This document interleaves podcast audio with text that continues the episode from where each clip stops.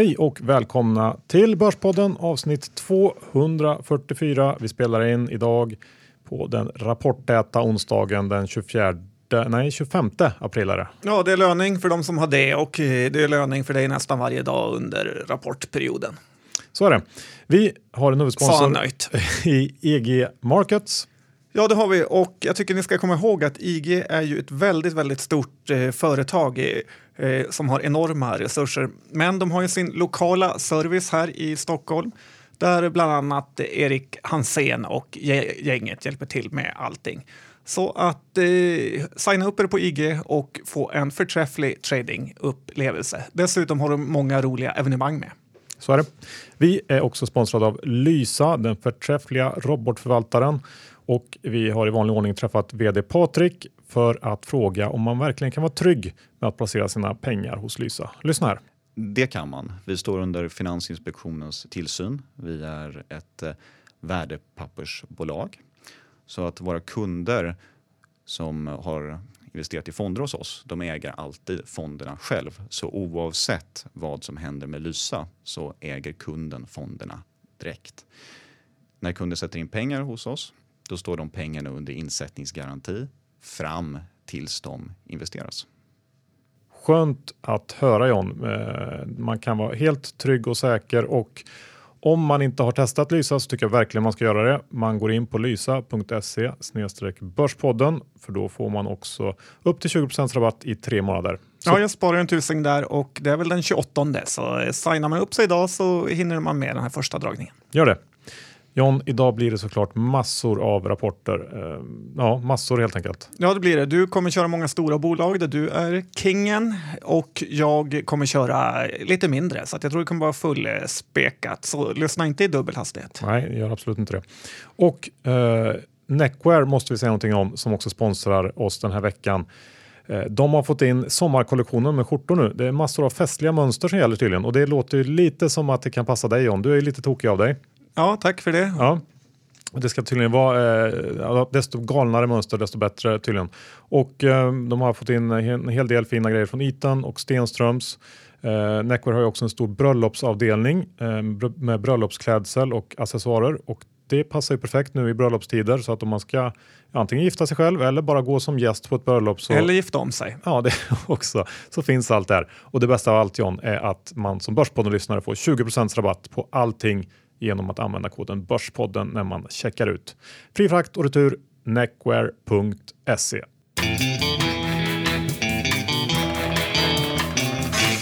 Johan Dr. Bass Isaksson, det känns ju som att eh, vi verkligen har kommit in i en liten svacka här på börsen, trots ändå är indexet i 15,55 ungefär.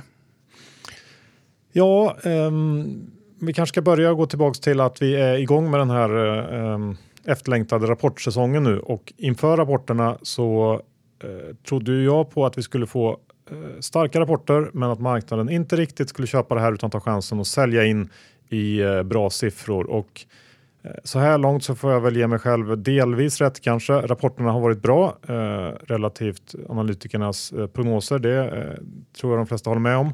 Men eh, fram tills igår, alltså tisdagen, så fick bolagen också väldigt bra betalt för sina beats här. Och eh, jag vet inte vad det beror på. Kanske att vi till exempel inom verkstad hade de lite mer sencykliska bolagen först ut, eh, ABB och Alfa. Eh, och de kanske marknaden kan tycka har lite mer att ge och vill ge lite mer eh, ja, mer tro på att det kan bli bättre. Och sen hade vi ju Telia och Ericsson som också gick väldigt starkt. Så, men det är lite av special case kan jag tycka som vi också kommer komma tillbaks till här senare i, i avsnittet.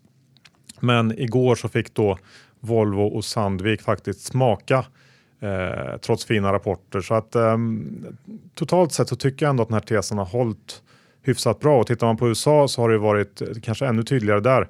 Eh, det är en mängd bolag som kommit in med riktigt bra rapporter. Vi har Citigroup, eh, Goldman, Google, eh, Caterpillar med mera och alla har fått, eh, de har slagit estimaten men ändå fått se sina aktiekurser sjunka med 5, 6, 7 procent. Ehm, så jag håller fast vid att vi börjar prisa in någon slags eh, topp i konjunkturen och vändning neråt nu. Ja, jag är inte förvånad, men eh, det känns som att du har fått vatten på din kvarn här under de senaste dagarna. Ja, men vi får se. Vi är väl någonstans halvvägs kanske i, om vi tittar bland de större bolagen. Så att det finns mycket kvar att slåss om fortfarande.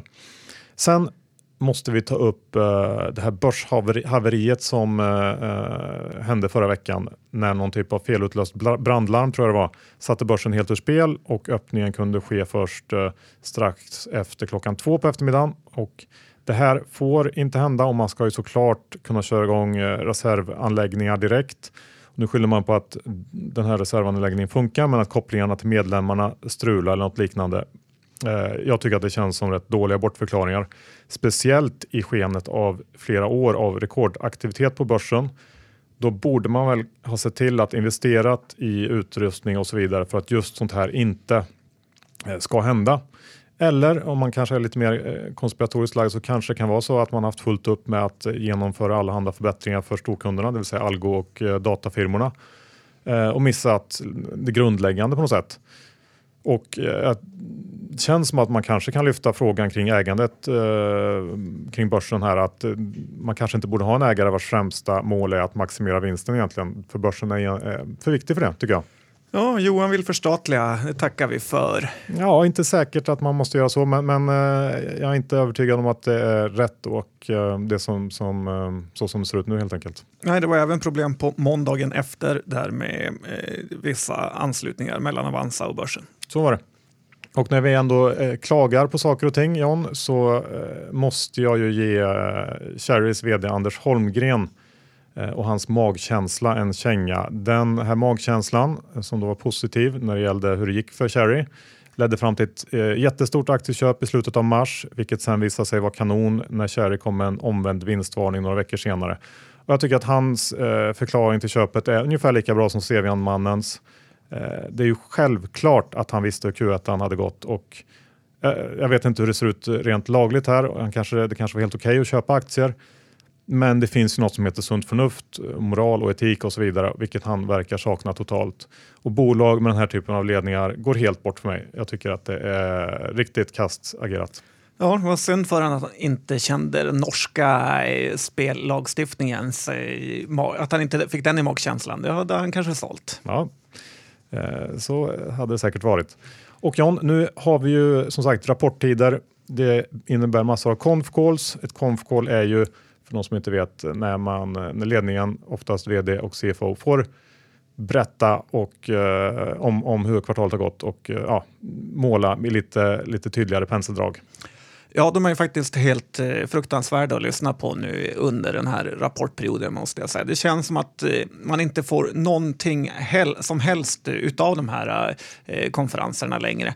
Eh, för att det är en blandning av meningslöst upprapande av eh, rapporten som man kan läsa till och dessutom rätt dåliga frågor från analytikerna kan jag tycka.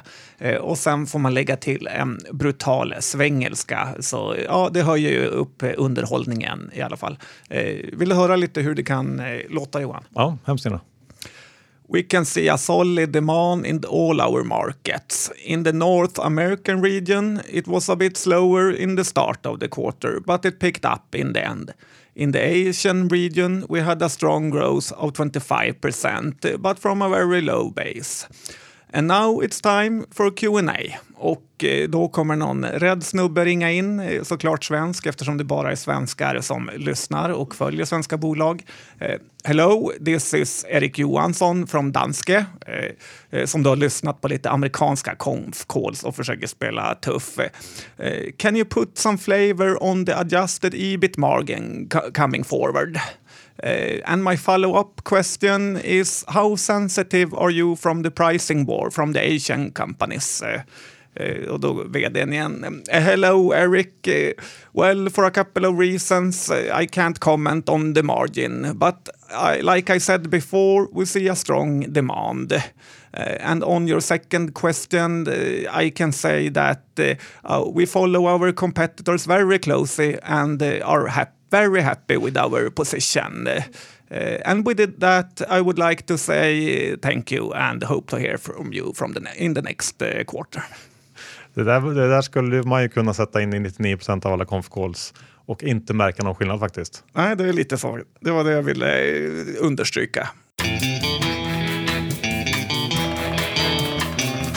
John, vi är också sponsrade av Lendify, detta härliga bolag vad har vi att säga om dem denna vecka? Nej, men Lendify börjar ju bli hur grymt eh, som helst nu faktiskt. Eh, man har Lindorf eh, som backup ifall något eh, skulle hända med Lendify. Eh, dessutom, vill man casha ut är det bara att göra det via den här andrahandsmarknaden. Och eh, ja, det känns som faktiskt allt faller på plats. Och dessutom är det ju så, ha inte alla pengar på börsen under, eh, ja, aldrig egentligen. Ha många olika kassaflöden och här är Lendify ett perfekt eh, komplement. Så gå in på lendify.se snedstreck Börspodden för då får ni också 500 kronor extra att investera om ni sätter in minst 10 000 kronor. Ja, bra start med 5 procent.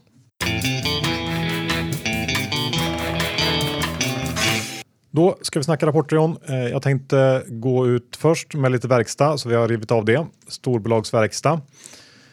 Som jag sa förut så hade vi ju eh, sencykliska ABB först ut och eh, här slog man estimaten med ungefär 5% både på, på resultatnivå och eh, ordermässigt. Eh, aktien var upp ungefär lika mycket.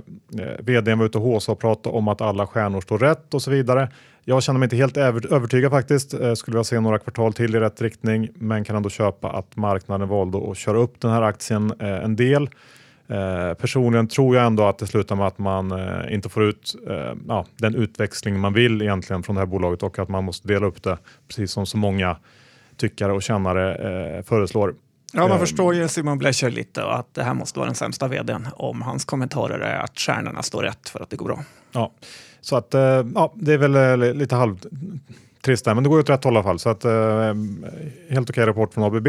Alfa Laval kom eh, näst på tur och eh, kom också in ungefär 5-6% bättre över hela linjen. Eh, även här var ledningen märkbart positiva under konfkålet. Marindelen som många tittar lite extra på levererar en orderingång klart över förväntan. Ehm, samtidigt som Clarkson, en stor eh, skeppsmäklare, vinstvarnar samma dag på grund av tuffare förhållanden, vilket eh, sänder lite, lite tvetydiga signaler tycker jag. Men jag är inte någon expert på det där så att det kanske inte riktigt går att eh, dra de här över en, eh, sam, en och samma kam. Jag vet inte. Men spontant eh, så är jag inte särskilt sugen ändå på att betta på fortsatt medvind för Alfa, eh, vilket ändå behövs om man ska köpa en aktie som handlas till ungefär 25 gånger vinsten på innevarande års estimat. Eh, så även om, om det var en fin rapport så är, känns det ändå som att det mesta är inprisat i den här jättedyra aktien. Mm, kliar inte i blanka fingret? Eh, jo, det gör jag och jag är faktiskt lite kort också efter rapporten. Eh, så får vi se hur länge jag håller den. Men eh, ja, helt rätt där. Eh, och igår då så kom både Sandvik och Volvo med sina Q1. Volvo kom som väntat med en stark rapport, men det var eh, VCE slash anläggningsmaskinerna då, som stod för överleveransen och lastbilsdelen kom faktiskt in 10% under förväntan eh, resultatmässigt, vilket helt enkelt beror på att man börjar slå i det här kapacitetstaket och fått eh, ganska stora problem i mm, leveranskedjan och det kostar. Eh, rörelsemarginalen på lastbilssidan kom in på 8,8% jämfört med förväntade 9,8 och jag tror att eh, det här är problem som man inte kommer att kunna lösa så supersnabbt även om eh, Lundstedt eh, ville liksom hinta om att det skulle gå att lösa ganska snabbt. Men jag är tveksam. Eh, I takt på att man lagt ut allt mer på underleverantörer de sista åren så tappar man ju också Eh, på något sätt kontroll över eh, möjligheten att snabbt kunna addera kapacitet till förmån för att kanske snabbare och billigare kunna dra ner om det skulle behövas. Men nu när det är riktigt bra tryck i orderingången så slåss man ju också eh, med alla andra tillverkare, till exempel Scania, eh, som, som också behöver de här extra komponenterna och eh, det kostar. Och jag tror också att det är svårt att lösa snabbt. Ehm, och att sen VCE då kompenserar för det här rent resultatmässigt tycker inte jag riktigt räcker eftersom den delen är mer volatil och i min bok så betalar i alla fall jag en lägre multipel för de vinsterna än för lastbilsvinsterna. Men eh, min känsla är att man kör den här Volvo-maskinen på max nu och att det inte blir så mycket bättre än så här och det var väl ungefär marknadens tolkning tycker jag. Ja, Volvo är väl ändå inte jättedyrt i värderingsmässigt. Nej, så är det ju eh, också. Men eh, ja, eh, jag tror ändå att det börjar ta lite stopp här som det ser ut nu. Eh, Sandvik kom ju också då igår under dagen och eh, den tyckte jag nog ändå var snäppet bättre än Volvos rapport. Eh, svårt att hitta några direkta svagheter till skillnad från, från i Volvos rapport. Då, och, eh, VD Björn Rosengren tyck, tryckte ju även lite extra på, på eh, håspedalen under konfkålet genom att berätta att efterfrågan ökat under liksom avslutningen av kvartalet och även eh, att april fortsatt i samma takt, samma höga takt och ehm, den här negativa kursreaktionen som, som eh, ändå kom efter rapporten får man nog helt enkelt tillskriva det faktum att aktien gått väldigt starkt och eh, att det kanske ändå börjar smyga sig in lite konjunkturtvivel i marknaden och eh, en del aktörer tar chansen att sälja innan man ser att det har vänt neråt. Ja, för nu är ju faktiskt Sandvik-aktien i alla fall dagen innan på all time high ever ever. Så att, eh, det är klart det kommer lite vinstomtagningar. Ja. Å, å andra sidan brukar väl Sandvik, man pratar om det som bolaget eh, som har höga fasta kostnader och tjänar mycket på eh, när det går bra. Ja, och idag då avslutningsvis i verkstadssjoket så kom ju då Atlas. Eh, Kungarna. Ja, det får man säga. Bolaget som alla, verkligen alla tycker är det bästa på börsen, vilket på något sätt är en bra förutsättning om man vill gå kort någonting. Och det känns spontant efter att ha tittat snabbt på den här rapporten som en eller kanske, eller en av, eller kanske den svagaste eh, av verkstadsbolagens rapporter. Eh, speciellt då sett till hur älskad den här aktien är och hur högt värderad den är. Eh, jag har inte hunnit titta igenom allt jättenoggrant men noterade ändå att den väldigt upphåsade Eh, delen vakuumteknik börjar visa svaghet både i orderingång och lönsamhet. Och jag eh, ser ju betydligt mer nedsida här och är kort och var kort den här aktien även innan. Ja, men grattis till det och eh, det ska bli spännande att se vad som händer med uppdelningen. Ja, det är i och för sig någonting som kanske håller, håller tillbaka nedgången lite grann i närtid. Men eh, mm. Ska vi gå över till bemanningsbolagen? Det har kommit in en del av dessa också. Ja, det kan vi göra och eh, industribemanning kan vi prata om när du ändå har gått igenom tungindustrin. Och, eh, Uniflex eller? Exakt, och det här bolaget är ju det som ger eller gav eftersom det är ex-dividend idag den högsta eller i alla fall en av de högsta direktavkastningarna på börsen.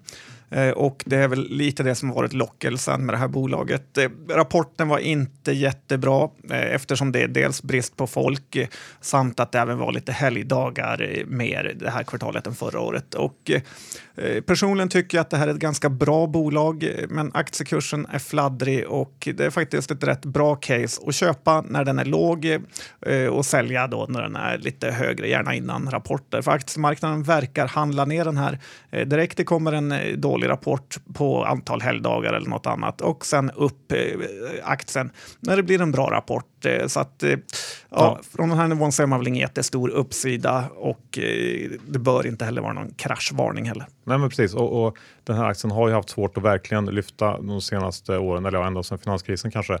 Så att det gör ju att det passar väldigt bra för just den typen av handel du, du föreslår här. Ja, så är det.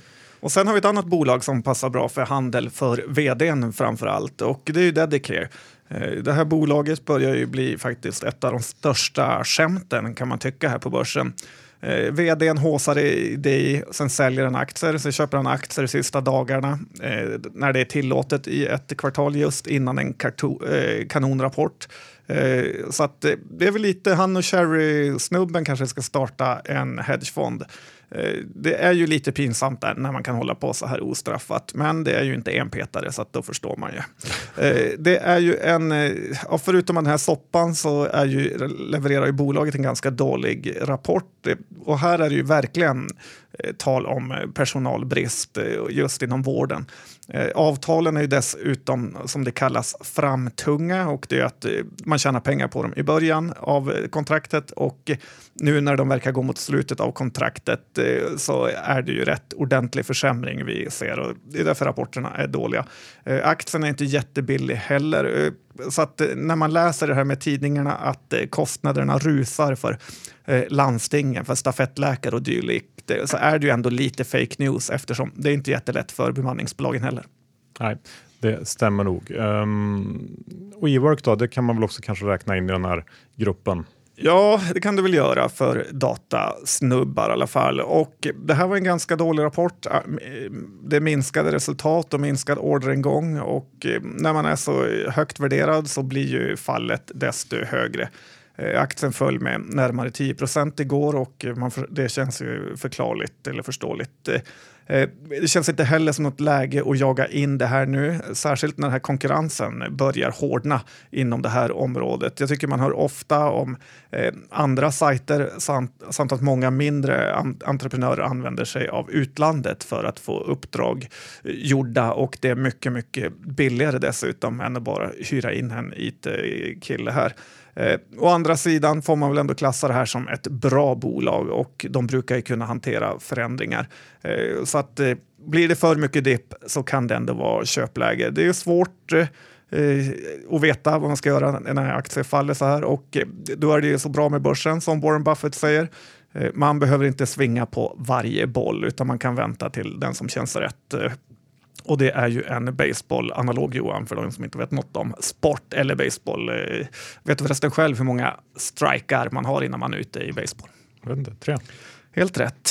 Ska vi ta ett amerikanskt bemanningsbolag med när vi ändå pratar? Ja, vilket då? Manpower? Ja, kanske. helt rätt. Mm. Och eh, det här var ju ett, eh, det är ett megabolag som kom in med en jätte Eh, dålig rapport får man väl ändå säga, om med tanke på att många andra eh, bolag har slagit sina estimat. Eh, den gick ner över 10 procent sin första dag och har fortsatt ner nästan varje dag. Det är tickern MAN, man, ger rätt låg direktavkastning och har ett lågt P-tal också på kring 12 ungefär. Så att det är långt ifrån Uniflex direktavkastning, men det är långt ifrån storleken också. Manpower handlas i närheten av sitt 52 veckors lägsta, vilket är lite intressant. Mm.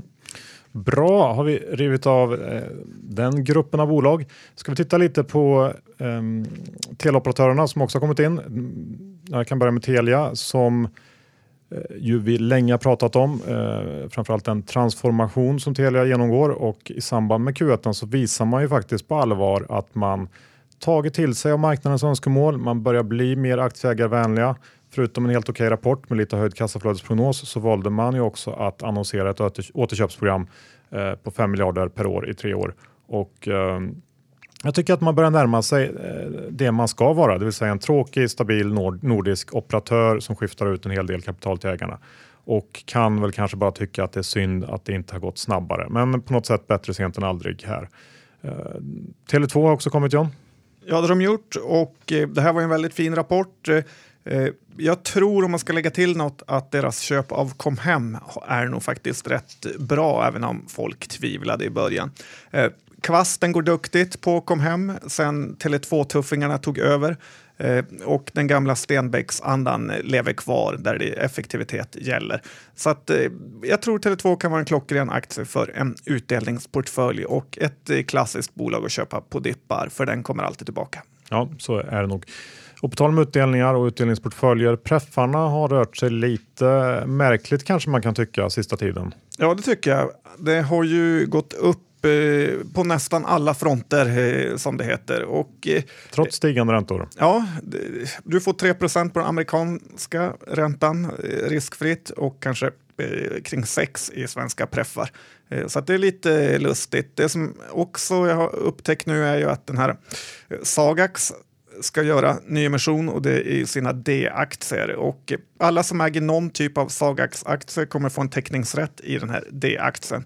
Eh, det här känns som att det kommer pressa D-aktien framöver eh, eftersom många som äger kanske Sagax B eller A inte överhuvudtaget är intresserade av att köpa eh, eller göra nyemission i de här D-aktierna. Och därför kan det vara en kortsiktigt bra affär att sälja sina D-aktier nu. Det, jag ser absolut ingen uppgång i D-aktien på kort sikt. Eh, och eh, som du sa, varför ska man köpa Akelius på 345 om man kan få 3% på den amerikanska räntan? Jag tänkte att det kanske är lite eh, något typ av valutaspel eftersom den svenska kronan är så nedtryckt så kan man kanske få ett par extra procent om eh, valutan svenska kronan skulle stiga med. Så där kan man ha en förklaring. Yes. Ska vi gå över till eh, ett bolag som är ja, relativt älskat, eh, HMS. Hur, eh, hur levererade de under Q1? Du har tittat på rapporten John? Ja, men det har jag gjort och eh, det här är ju ett bolag som har maskiner som pratar med varandra och eh, återigen ett, eh, en bra rapport. Aktien gick upp mot 140 kronor här och det får man ta som skillnad från förra rapporten då aktien var, rapporten var lite sämre och aktien var under 120.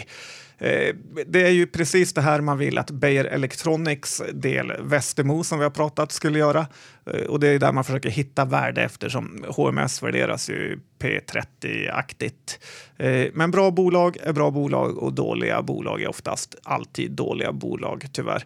Eh, här är ett annan, en annan grej jag har tänkt på, det här med att man ska investera i det du förstår. Och eh, det är inte många som har förstått HMS, inte jag heller. Och därför är det väl ändå lite bortglömt av de här större fonderna. Eh, det visar ju lite hur dålig klyscha det är att man ska förstå vad man investerar i eftersom de absolut bästa casen fattar man ju ingenting av och då väljer man ju helt enkelt att åka med tåget med mycket smartare personer än en själv. Annars hade man ju kunnat starta alla bolag själv. Så tänker jag Johan. Ja, det är ett sätt att se på det ett bolag som man ju ändå förstår vad de gör eh, är XXL, men det har ju inte varit så bra att hänga på på slutet. Nej, och det har vi väl eh, sagt tidigare att det är ett av börsens bästa kortningar faktiskt. Ja, absolut. Du har varit inne på det Eh, Eh, vid ett flertal tillfällen. Och, eh, ja. Aktien är ner rätt mycket idag. Det är ju ner kanske 15 procent när vi tittar senast och de har väl insett att det är rätt meningslöst att expandera i sina eh, butiker eftersom de bästa lägena är redan tagna som vi har varnat för. Eh, sen är ju konkurrensen stenhård inom det här fältet. Det är ju, jag skulle tippa på att två gånger i veckan så får man mejl från Intersport eller Stadium om att de kör driver med 25-procentiga rabatter. Och eh, jag pratade med en kille här på Stadium som jobbar där och han sa att de hade ställt in personalfesten och istället haft eh, säljutbildningar för det går så dåligt. Eh, eh. XXL är ju också lite som Mediamarkt. Eh, att eh, det känns inte alls som att de gynnas något av eh, näthandeln heller. För att likt MQ så går man inte in på mq.se eller Eh, xxl.se och köper grejer utan man söker först på Google eh, och därifrån klickar man sig vidare på det som är billigast. Eh, min privata lynchning från i lördags kan det varit är ju att det här bolaget är i kris och har dragit ner på en väldig massa personal och deras eh, butiker börjar se för taskiga ut faktiskt. Det är oordning, det finns ingen att fråga och eh, det ligger grejer huller om buller. Så att eh, nej, jag ser ingen framtid och jag känner liksom jag känner skam för CFO som ringde upp Shorty på förra konfkålet ja. och ja. jag vet inte om jag hade kunnat leva vidare om jag hade gjort det.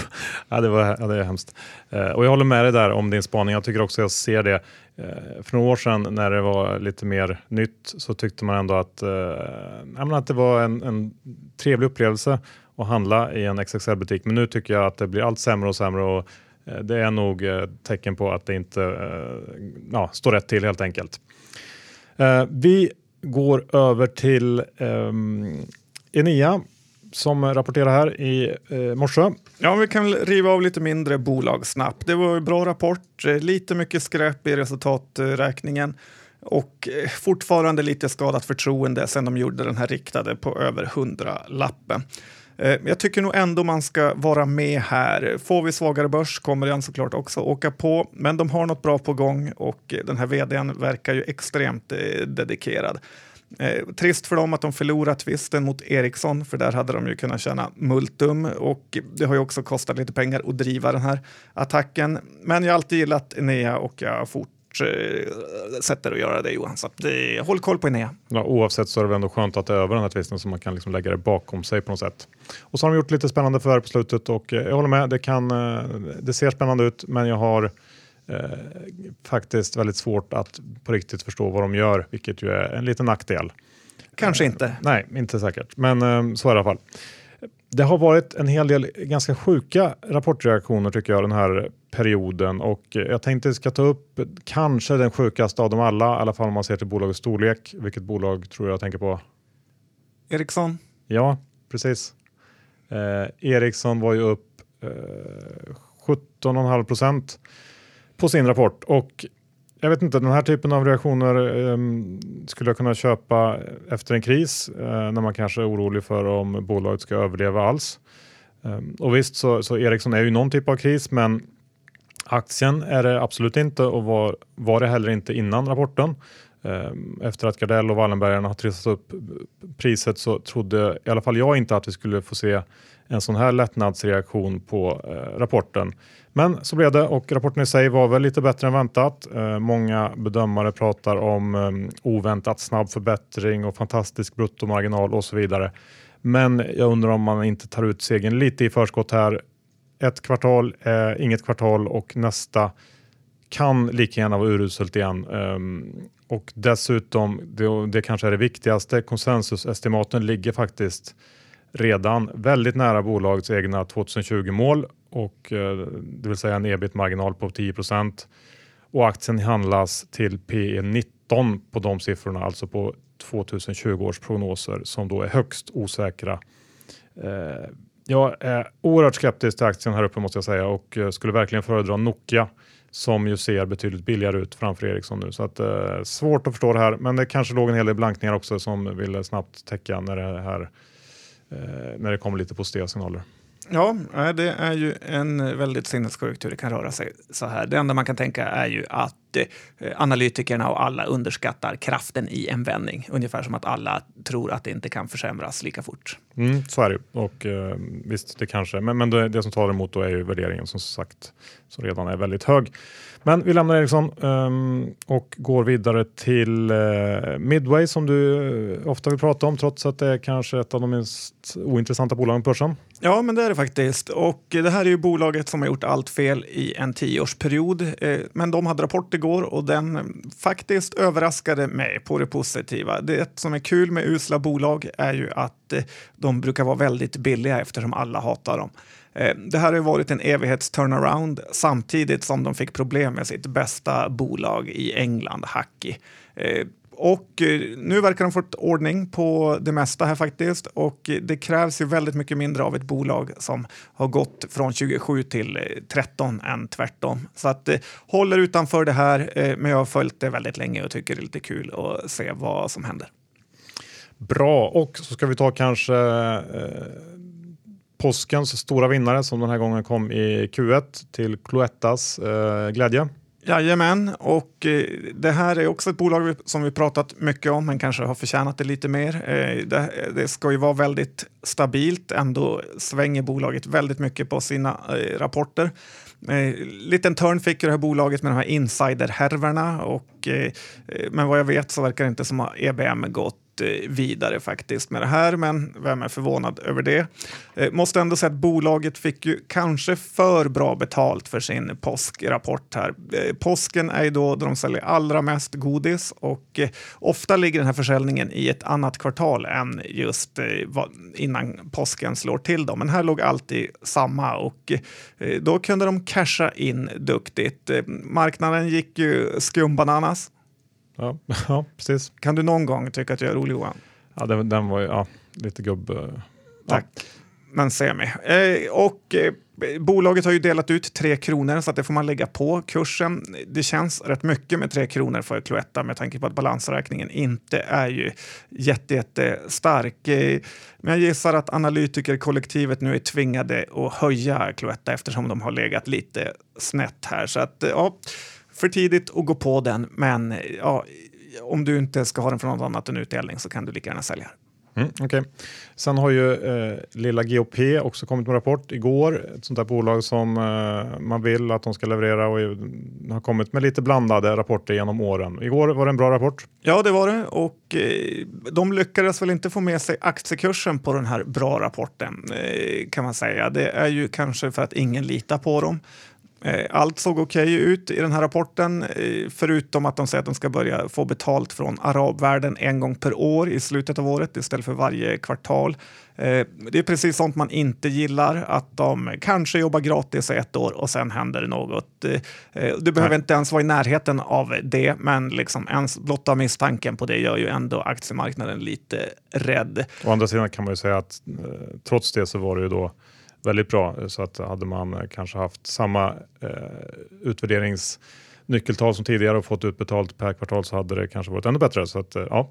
Ja, eh, så är det ju. Sen gillar ju jag inte det här, det vi tagit upp förut, det här med minoritetsintressena. Eh, som tar 10 procent av vinsten, vilket är förmodligen giriga klinikschefer. Eh, sen det här med Annedalsgruppen som cashade ut allt innan sommarens eh, kollaps. Eh, sen har vi svaga sommarmånader framöver här och att eh, Stockholms stad eller landsting kan ändra den här ersättningsmodellen eh, när de känner för det och vilket de har gjort förut. Eh, eh anbudsföretag typ Capio är inte så bra. Nu har jag ju rabblat upp en väldig massa negativiteter här, men eh, det ser ju ändå ut som att det är på rätt väg och man gillar ju GHP, men det gäller också att eh, ha vissa saker i bakhuvudet. Så är det. Eh, om vi går över till något helt annat så tänkte jag eh, att vi ska prata lite om Lifco som, ehm, ja det är en del bolag där som tävlar som är i toppen om vilket som är det mest älskade. Lifco är också uppe där med Atlas och några till kanske och slåss. Troax. Uh, ja. Men uh, igår så var de inte så älskade och det var ju med rätta kan man tycka. Nej, så var det ju. Blecker sa ju i förra veckans avsnitt att han inte tyckte aktien var för dyr för att eh, kvalla är värt att betala för. Så kan det ju vara. Men det är ju något farligt med att äga aktier som folk älskar är ju att när det är bara en liten spricka i det här eh, fantastiska eh, bolaget så kraschar de. Igår var det över 10 i nedgång. Eh, det kan ju vara så att man ska plocka upp det här bolaget när det har fallit de här tre klassiska dagarna. För det var ju ändå lite tillfälliga problem som flaskhalsar och eh, problem hos underleverantörer. Så att eh, man ska inte, ett bolag förändras ju inte i grunden efter en dålig rapport. Eh, däremot kan ju värderingen göra det. Mm. Eh, sen har vi haft lite eh, spelbolag som kommit in också. Eh, jag tänkte gå igenom ett gäng av dem. Evo kom ju med en Q1 som var Eh, på tal om då eh, sjuka rapportreaktioner som var då eh, mer eller mindre in line med estimaten. Men det som då fick aktien att fullständigt tappa fattningen och gå upp över 27 procent var, antar jag i alla fall, marginalguidningen om en oförändrad lönsamhet jämfört med förra året. Och just marginalen har ju varit ett stort orosämne inför 2018 eh, när det gäller Evo och ehm, konsensusestimaten när det gäller just marginalen måste upp ganska rejält nu då om man då ska upp till 2017 års nivå.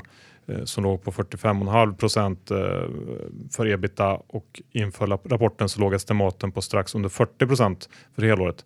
Eh, det känns spontant som en väldigt tuff uppgift för Evo att leverera den typen av lönsamhet givet första kvartalet här och investeringar och så vidare. Och marknaden vill nog se någon till rapport här i linje med det innan man fullt ut tror på det. Mm, ja, stökigt i alla fall och nu hade aktien gått ner väldigt mycket inför och det var eh, Bodenholm som var ute och blanka och så vidare. Men 27 procent upp kändes ju också helt eh, fel. Ja, jag undrar hur det känns att ha köpt på 595 eh, för två dagar sedan. Ja. Eh, Nettan var ju, som kom med rapport igår var också på väg att göra samma sak, det vill säga balla ur på uppsidan. Eh, den var upp eh, runt 15-16 procent ett tag som värst, men stängde väl någonstans runt 5 procent upp och rapporten i sig var inte så märkvärdig i linje med estimaten. Eh, jag tycker att bolaget fort, fortsatt har bevisbördan på sig när det gäller att visa att tillväxten kan komma tillbaks. Eh, och det som satte stopp för eh, gårdagens så kraftiga uppgång i aktien och även drog med sig hela spelsektorn på börsen, börsen var ju nyheten om att Norge planerar hårdare tag mot nätspel med IP-blockering och annat. Så att vi får se vart det tar vägen. Eh, nu på morgonen kom Kindred och Betsson som bägge var i svagaste laget och eh, jag vet inte, sammanfattningsvis så tycker jag att det känns väldigt nervigt i spelsektorn för tillfället och jag ja, känner mig inte sugen på att gå in. Nej, och eh, man får ju lite känsla av att det måste vara någon typ av aktierobotar som ligger bakom de här makalösa uppgångarna och svängningarna i aktier. Men vi traders får tacka och ta emot de få gånger man är på rätt sida, det vill säga. Ja.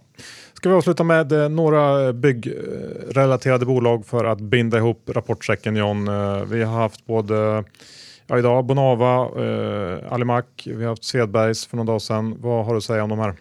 Ja, en hel del som jag brukar ha. Vi kan börja med Bonava. Det var ju slakt här på morgonen, ned över 10 procent. Det känns ju verkligen som den här byggsektorn är i en svacka närmsta tiden. Ett annat bolag som jag har gått kort inför det här är ju JM. Eh, jag kan ju inte i min vildaste fantasi se hur de här ska leverera när alla andra har kollapsat. Eh, JM har rapport på fredag och jag kommer ju ta in mina aktier idag så att eh, jag pratar ju egen bok. Men om killen bredvid dig inte säljer några glassar överhuvudtaget för att det regnat hela sommaren, eh, kommer du sälja några glassar då Johan? Antagligen inte. Nej, jag hoppas inte det. Eh, rapporten är på fredag så att det ska bli spännande. Ali G, börsens sämsta eller bästa kortnamn, eh, levererar. Alltså Ali Mac. Något, som de brukar säga. Ali G alltså. Eh, vad tycker du om namnet? Jag, tycker, jag tycker ingenting om det. Du har inga känslor Johan. Eh, Det är lite konstigt också hur marknaden kan tro på eh, hissar till byggnationer. Att de ska gå så bra när alla som bygger går dåligt. Och det här kommer ju förmodligen dra ner G under en eh, lång period. Eller Ali Mac som det heter på riktigt. Mm. Svedberg sa. Ja, det här var ju faktiskt ett eh, hyfsat, eh, en bra rapport. Ja, lite Bad- oväntat kanske. Ja, badrumsföretag kan man väl kalla det. Och eh, det här är ju ett, ja, det är två som levererar. Det kan ju vara så att badrum är klassiskt scencykliskt sencykliskt och det låter ju faktiskt rimligt att man inte börjar med att bygga badrummet innan man byggt eh, väggarna och så vidare. Eh, ledningen säger ju att det ser bra ut framåt, men man vet ju det här när man tittar på eh, byggbolagen att det inte ser så bra framåt, utan det kan ju dra, dröja kanske något kvartal till innan det slår igenom på Svedbergs. Men jag tror inte börsen kommer vilja betala några multiplar för det här. Eh, man får hålla koll på om det här bolaget när det är billigt och det kan svänga snabbt uppåt när det vill sig. 2012-13 så handlade sig bolaget i 20-lappen. Det är ganska bra balansräkning som ger bra utdelning. Så att eh, Ja, kanske de kan kapitalisera på en nedgång när folk blir utslakna eller letar efter förvärv. Eh, men nu är det en klassisk stay away-aktie. Ja, lita inte på att det ser bra ut. Slut på avsnitt 244. Eh, gå in och kolla in vår huvudsponsor IG. Gör det. Det är många möjligheter som öppnar sig om du blir kund där. Ja. Och eh, vi vill som sagt också slå ett slag för eh, robotrådgivaren Lysa. Gå in på lysa.se börspodden så får ni en fantastisk deal. 20% rabatt i upp till tre månader. Eh, kanske inte passar dig, men du har säkert ett syskon, mamma, eh, pappa eller någon annan släkting som kanske inte är riktigt lika intresserad som eh, du kan tipsa. Ja, då slipper man ta ansvar för placeringarna med. Ja. Och direkt efter inspelningen så ska du klicka hem en festlig skjorta från Neckwear eller kanske bara en snygg klassisk. Det finns allt. Gå in på neckwear.se och använd koden Börspodden för då får du 20 rabatt. Eh, De har som sagt också mängder av bröllops mm, prylar nu i bröllopstider. Så eh, kolla in det. Fri frakt och fri retur. Och Lendify som sagt. Ja, det vet ni hur bra det är. Ja, Starta ert eget eh, sparande där så kommer du bli nöjd. Lendify.se slash börspodden. Exakt. Och nu har vi faktiskt en liten innehavsredovisning att gå igenom, även jag den här veckan. Oj, Eh, det känns ju lite läskigt. Jag eh, faktiskt eh, köpte lite GOP igår på rapporten som du, eller vi pratade om här i avsnittet. Jag är kort Alfa, jag är kort Atlas, ehm, jag är kort Ericsson. Kul, du börjar vara lite eh, axelrod över din portfölj Johan. Hur ser det ut för dig då Jan? Ja, men den ser väl eh, ut att jag är lång, lite midway. Och eh, Börsens tråkigaste bolag. ja, lite så, men det går inte att sälja eller köpa. Så, och eh, sen har jag eh, inget annat faktiskt. Nej, bra. Eh, då eh, Jag hade ju JM, var kort, Just det. det vet ni. får vi tacka för lyssningarna och eh, hoppas att ni har en fortsatt trevlig rapportperiod så hörs vi om en vecka igen. Hej då!